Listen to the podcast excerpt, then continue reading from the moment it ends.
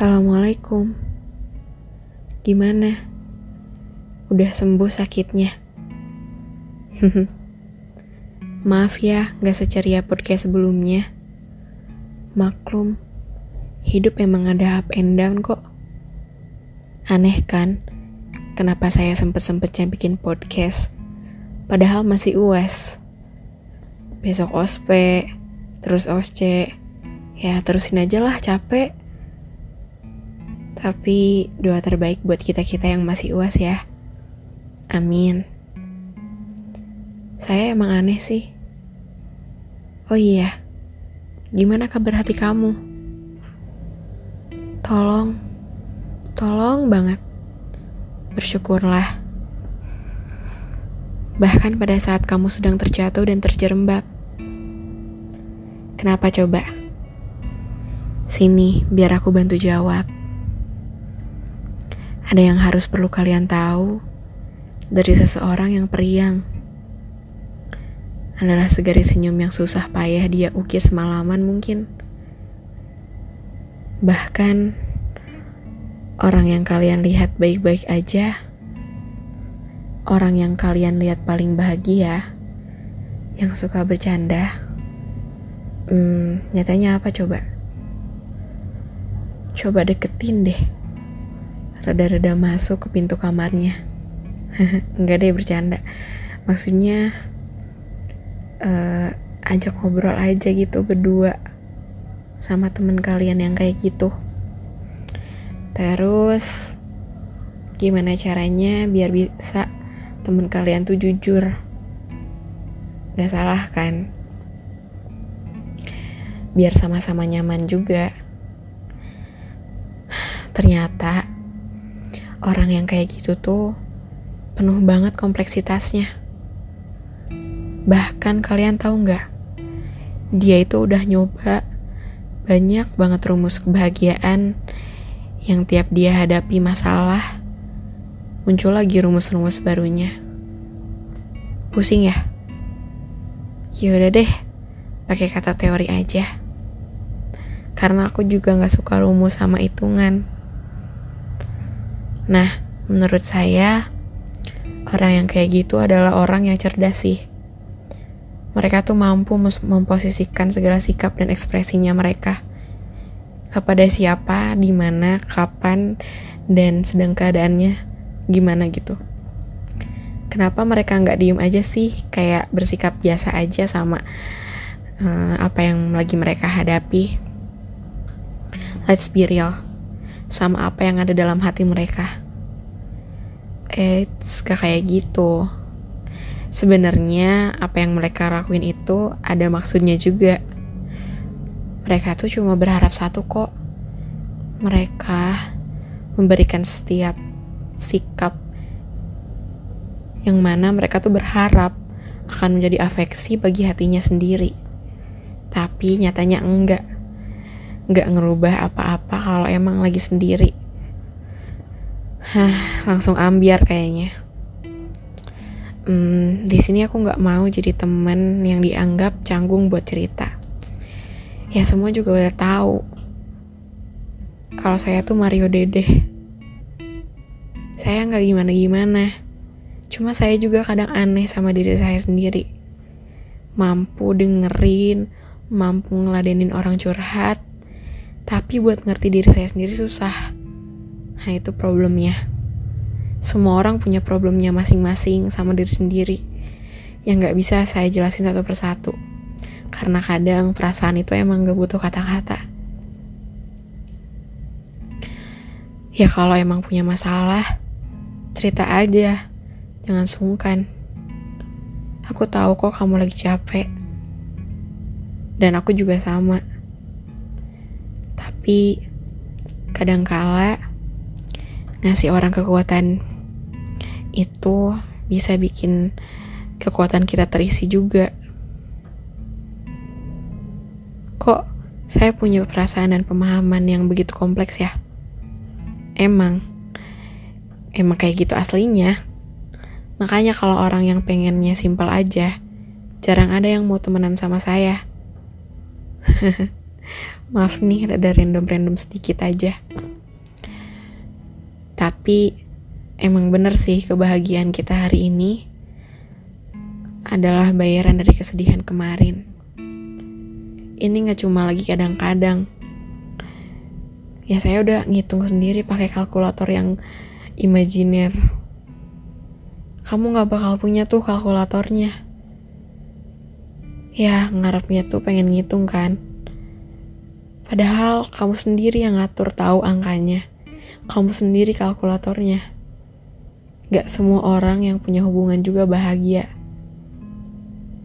Dan gak semua orang yang sendirian juga sedih. Gak semua orang bahagia kalau mereka punya teman banyak. Hah, di luar sana tuh banyak banget orang yang punya pasangan tapi masih banget ngerasa kesendirian kesepian atau ada juga atau ada yang di luar sana yang gak punya pasangan dan gak punya temen tapi selalu ngerasa paling ramai dan kamu gak berhak menghakimi hubungan orang lain atau menghakimi hidup orang lain menghakimi yang artinya menilai, menimbang-nimbang, ngasih komentar. Karena kamu gak tahu seberapa keras seseorang berjuang buat bertahan, memilih tersakiti,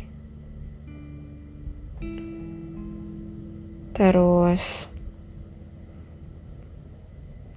ya kayak gitulah.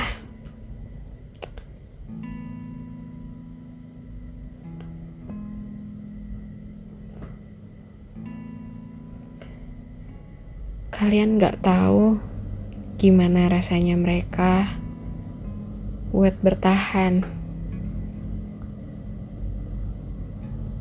Yang kalau misalnya terus digenggam sakit, tapi dilepas juga gak sanggup. Ya ampun, kasihan ya. Tapi balik lagi apa pun yang kamu pilih hari ini, hidup itu bakal selalu punya alarm waktu. Gak percaya? Saya mau sedikit cerita nih. Saya juga punya masa lalu yang kelam. Banyak dihianati.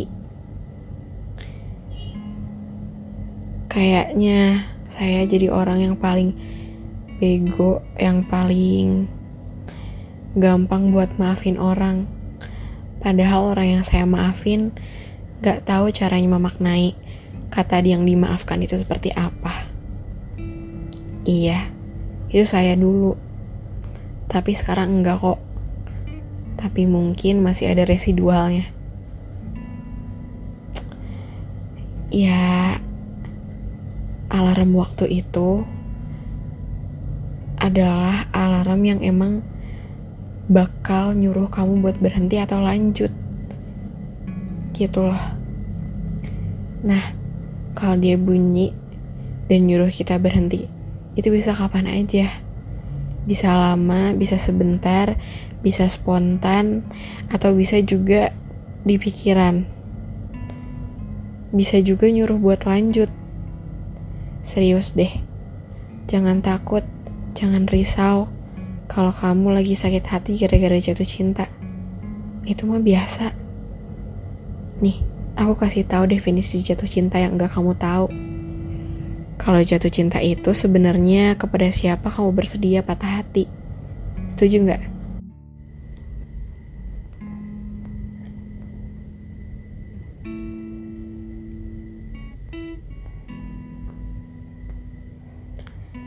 Yakin bisa lagi nyusun hati yang patah. Gimana kalau hancur? Kadang sahabat saya juga heran sama saya. Kadang itu juga yang jadi alasan saya kenapa saya jarang cerita tentang apa yang saya alamin. Secara langsung ya. Karena sebenarnya saya nggak mau bikin sahabat saya heran sama saya. Orang yang memilih itu cenderung susah dikasih saran maunya cuma didengerin kalau cerita. Rata-rata mereka udah tahu tentang apa konsekuensi dan hadiah dari waktu. Mereka tuh kayak tebak-tebakan aja sama pilihan. Tapi ketika mereka milih, mereka itu bisa memperjuangkan pilihannya. Sampai si alarm itu bunyi. Kayak gitu. Padahal kalau salah ya tetap aja terjerembab. Biasanya, mereka itu udah biasa sama luka. Hates, biasa itu bukan berarti kebal ya. Bukan lagi nggak berasa, nggak numbness gitu. Tapi mereka cuma ngerasa kalau berakhir itu bukanlah suatu solusi yang paling awal dari masalahnya sendiri. Ingat sih, sadar sih kalau kita tuh bukan malaikat. Tetap aja kok kalau sedih nangis, butuh bahu. Sedih mah sedih aja gak sih? Ya tapi jangan pernah lama-lama. Karena malam juga bisa jadi siang. Hujan juga berganti pelangi. Terus ketidakbahagiaan juga bakal kebayar sama kebahagiaan gitu. Nah, yang bayar siapa? Yang bayar kita sendirilah. Kamu kira siapa yang bayar? Gak berhak kamu ngarap sama orang. Ngarap sama selain Tuhan aja bisa jadi tindak kekerasan. Yang mana korbannya adalah diri kamu sendiri. Begitu juga buat kalian yang belum bisa memiliki sesuatu, walau sudah susah payah berjuang. Tenang aja, nelayan yang jauh-jauh melaut juga, mereka mencari ikan, tapi pulang gak bawa apa-apa. Tapi apa? Mereka semakin tahu dan paham dengan ombak. Simpel aja deh. Jangan mau sekompleks saya. Jangan pernah bilang mau kayak Linda. Jangan deh. Karena saya hari ini adalah saya yang dilahirkan dari luka-luka masa lalu. Kalian emang mau ngerasain luka-luka yang saya rasain? Kebayangkan seberapa cacatnya?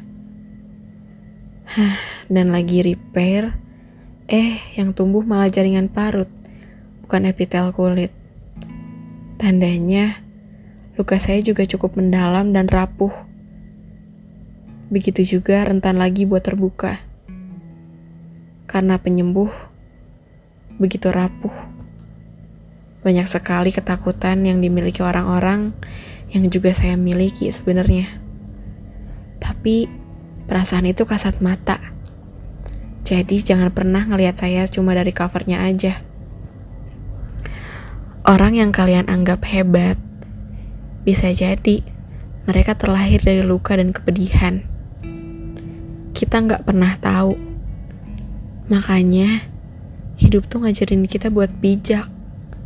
Bukan gampang ngatain. Hidup tuh ngajarin kita buat belajar. Bukan gampang ngeguruin. Dan bukan selalu tentang mengingat-ingat. Tapi, jangan lupa juga untuk bisa melupakan. Melupakan kesalahan maksudnya. Salah. Tapi melupakan kebaikan yang pernah dilakukan sama diri sendiri ah pikir aja sendiri kenapa kayak gitu. Tetap aja kalau salah ya harus dipelajari. Kita sama kok. Sama-sama belajar buat nyari teori kebahagiaan dunia dan akhirat. Aku nggak mau cuma bilang semangat ya. Enggak terlalu klasik. Kadang orang bilang kayak gitu tuh biar dianggap gak careless. Hah, saya lebih suka bilang Allah yuftah alaikum Jangan sampai kebahagiaan dunia akhirat cuma teori ya. Yuk jalanin bareng-bareng biar bisa kecapai.